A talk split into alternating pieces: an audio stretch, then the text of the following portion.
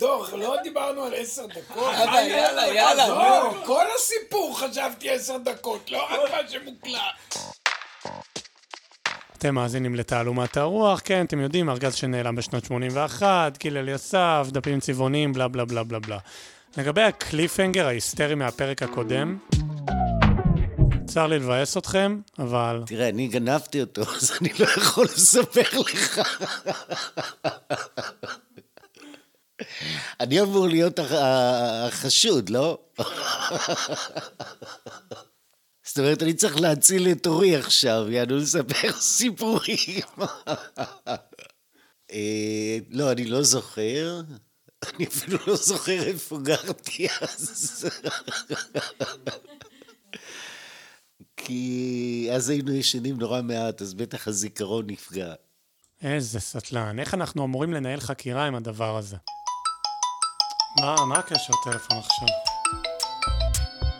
עניתי, זה היה דגן, הוא ביקש שאני אקליט. אני הולך לחדר אוכל היום בבוקר, ואז אה, זהבה באה אליי, אומרת לי, דגן, אה, יש לי חבר שהוא שמע שיש פודקאסט אה, שגיל מדבר, הוא רוצה לשמוע. אני, איך אני יכולה לשלוח לו? ואז שאלתי אותה מי זה, היא אמרה לי ניר משהו, אני לא זוכר את השם. היא אמרה, נראה לי ש... שיש לו איזה קשר לדבר הזה. פה נגמר הסיפור?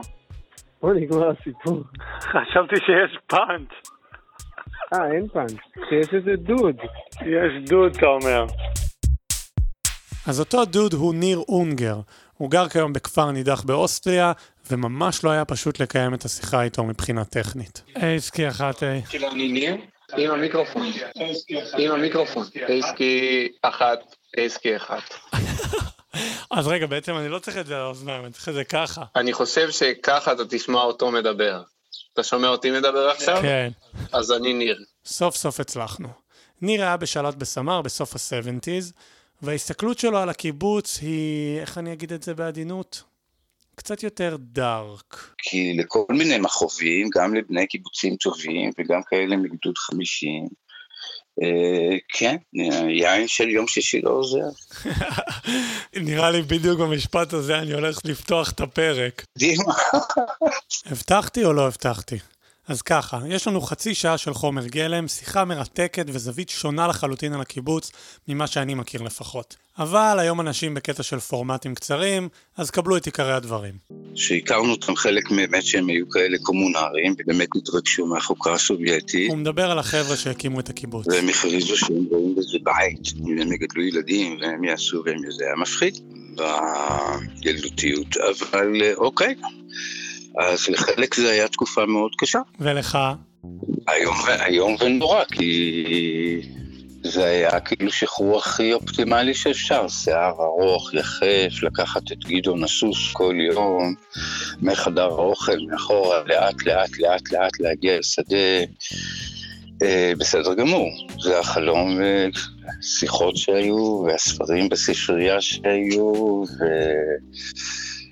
והבדידות שהייתה, והמרפאה הפתוחה שהייתה, והאמבולנס לידו עם השמונה צילינדר, אז כל, כל האפשרויות היו כאילו לכל דבר, כזה קצת רדנק, קצת היפי, קצת צ'ח צ'ח, ויש עם מי להתחבר.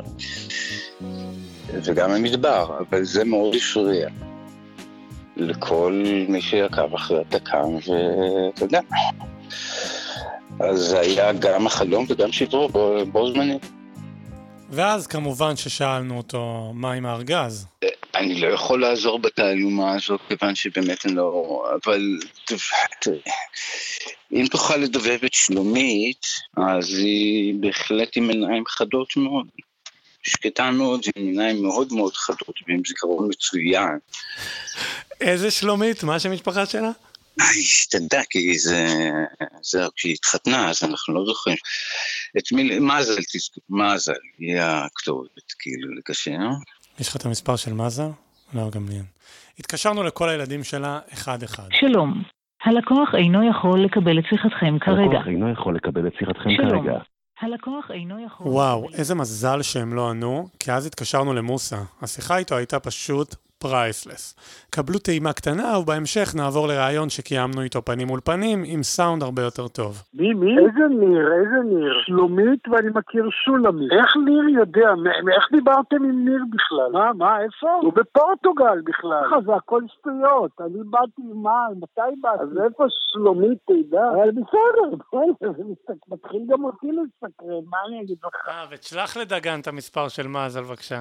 אה, אתה חושב שאני יודע לשלוח, שיש לך נייר וזה, טלפון ועט? יש לנו נייר ועט, אחי. לא, כי בימינו חוץ ממני, אני, אני כשאני הולך, אני, יש לי בקצת טריקו שלי, בטישרט, אז אני עוד מחזיק עז. אני חושב שאני האחרון ב- בעולם... סבבה. אז בסוף הגענו למזל וגם לשלומית. שלחנו לה את הפודקאסט, וזו ההודעה שהיא שלחה לנו בחזרה. ערב טוב, אין לי מושג על מה מדובר, ואין לי מושג למה ניר אונגר חושב שיש לי זיכרון טוב. נהפוך הוא. לפי מה ששמעתי בפודקאסט ששלחת לי, אין שום סיכוי שיביא לך תועלת כלשהי. עזבתי ב-77 או 78 בסוף השירות. שיהיה בהצלחה. לא יאומן, כבר היה לנו קצה חוט, איזה באסה. חזרנו למוסה. אולי לא יהיה משהו חיובי להגיד לנו. אני חייב להגיד לך פה איזה משהו. גיל עם הסיפורים שלו.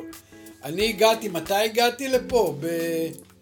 בינואר 78, אני חושב, איזה שנה, שנה וחצי אחרי שהם הגיעו לפה בכלל. אף אחד לא דיבר על, על רוח סמר, אף אחד לא דיבר על ארגז, אף אחד לא דיבר על, על כל מיני דפים בכל מיני צבעים, אני לא שמעתי על זה, אני לא יודע על מה זה. אולי בכלל זה איזה המצאה של גיל ש... אבא, יש סיכוי ששכחת, לא? לא נראה לי. לא סביר. לא סביר. אבא שוכח הרבה דברים. ככה שכל אחד יש לו את רוח סמר שלו, תמיד מתווכחים על זה, ובעצם אף אחד לא יודע מה זה רוח סמר, ובטח אף אחד לא יודע על איזה שהם דפים שאי פעם הם כתבו שם עוד בטרם היות סמר. נראה לי אם תקזז את האסנס של מה שאבא אמר עכשיו, קיבלת את הציטוט הכי טוב בכל ההקלטות שיש לך עד עכשיו למהי רוח סמר. בום. פה יהיה סאונד של פיצוץ, וככה הפודקאסט ייגמר. מה אתם אומרים?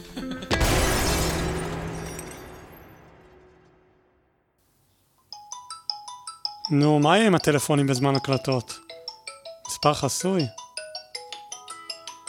הלו? דורכו מתעלומת הרוח. כן, מי זה? תשמע, אנחנו לא מכירים, אבל אני שומע הרבה זמן שאתה מחפש את ארגז הארכיון.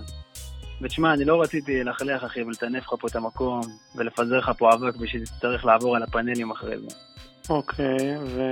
לא, אני לא רוצה לפזר לך פה חמץ, שתצטרך אחרי זה לעבור בבית עם נר ולחפש פירורי לחם. אתה מבין?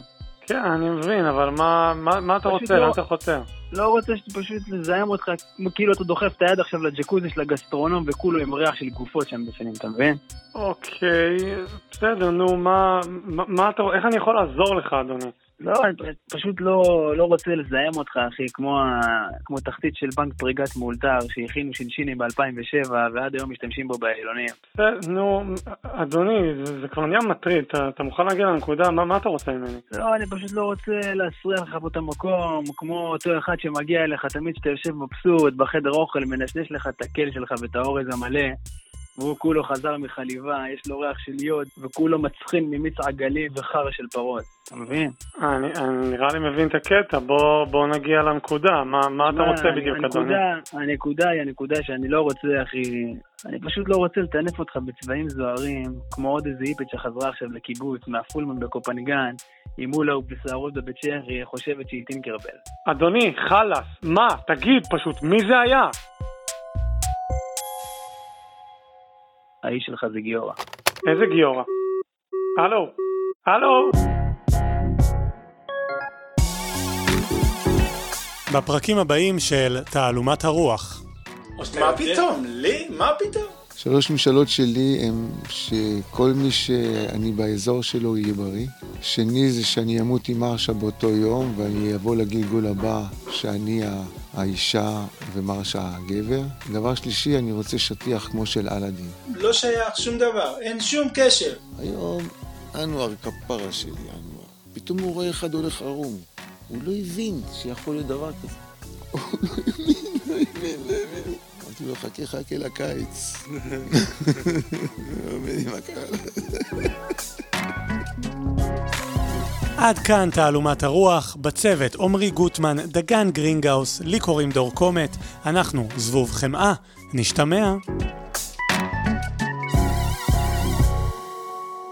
טוב, אז הפרק נגמר, אבל קבלו קטע בונוס למטיבי לכת. לגבי ניר אונגר, בסוף השהות שלו כאן, הקיבוץ החליט שהוא לא מתאים לקהילה, וביקשו שיעזוב. כמחאה להחלטה, בחור בשם דרור אשד הקריא פואמה בשיחת קיבוץ לאוזניהם של כל חברי הקהילה.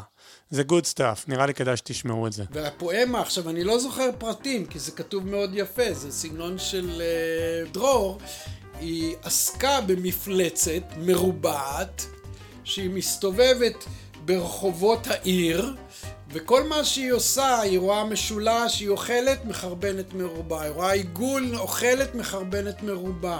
כל מה שהיא רואה, כל צורה שהיא רואה, והוא לא מרובע, היא אוכלת את הצורה הזאת ומחרבנת מרובע. מה הוא ניסה להעביר? נו, בחייך, זה ברור. אה, לפעמים בפודקאסטים צריך להגיד את המובן מאליו. זה מובן מאליו. שמה פתאום לזרוק בן אדם מהקיבוץ שהוא קצת שונה מכל האחרים, שהוא, יש לו דעות אחרות, שהוא אה, לא בדיוק הולך בקו ובתלם של כל השאר.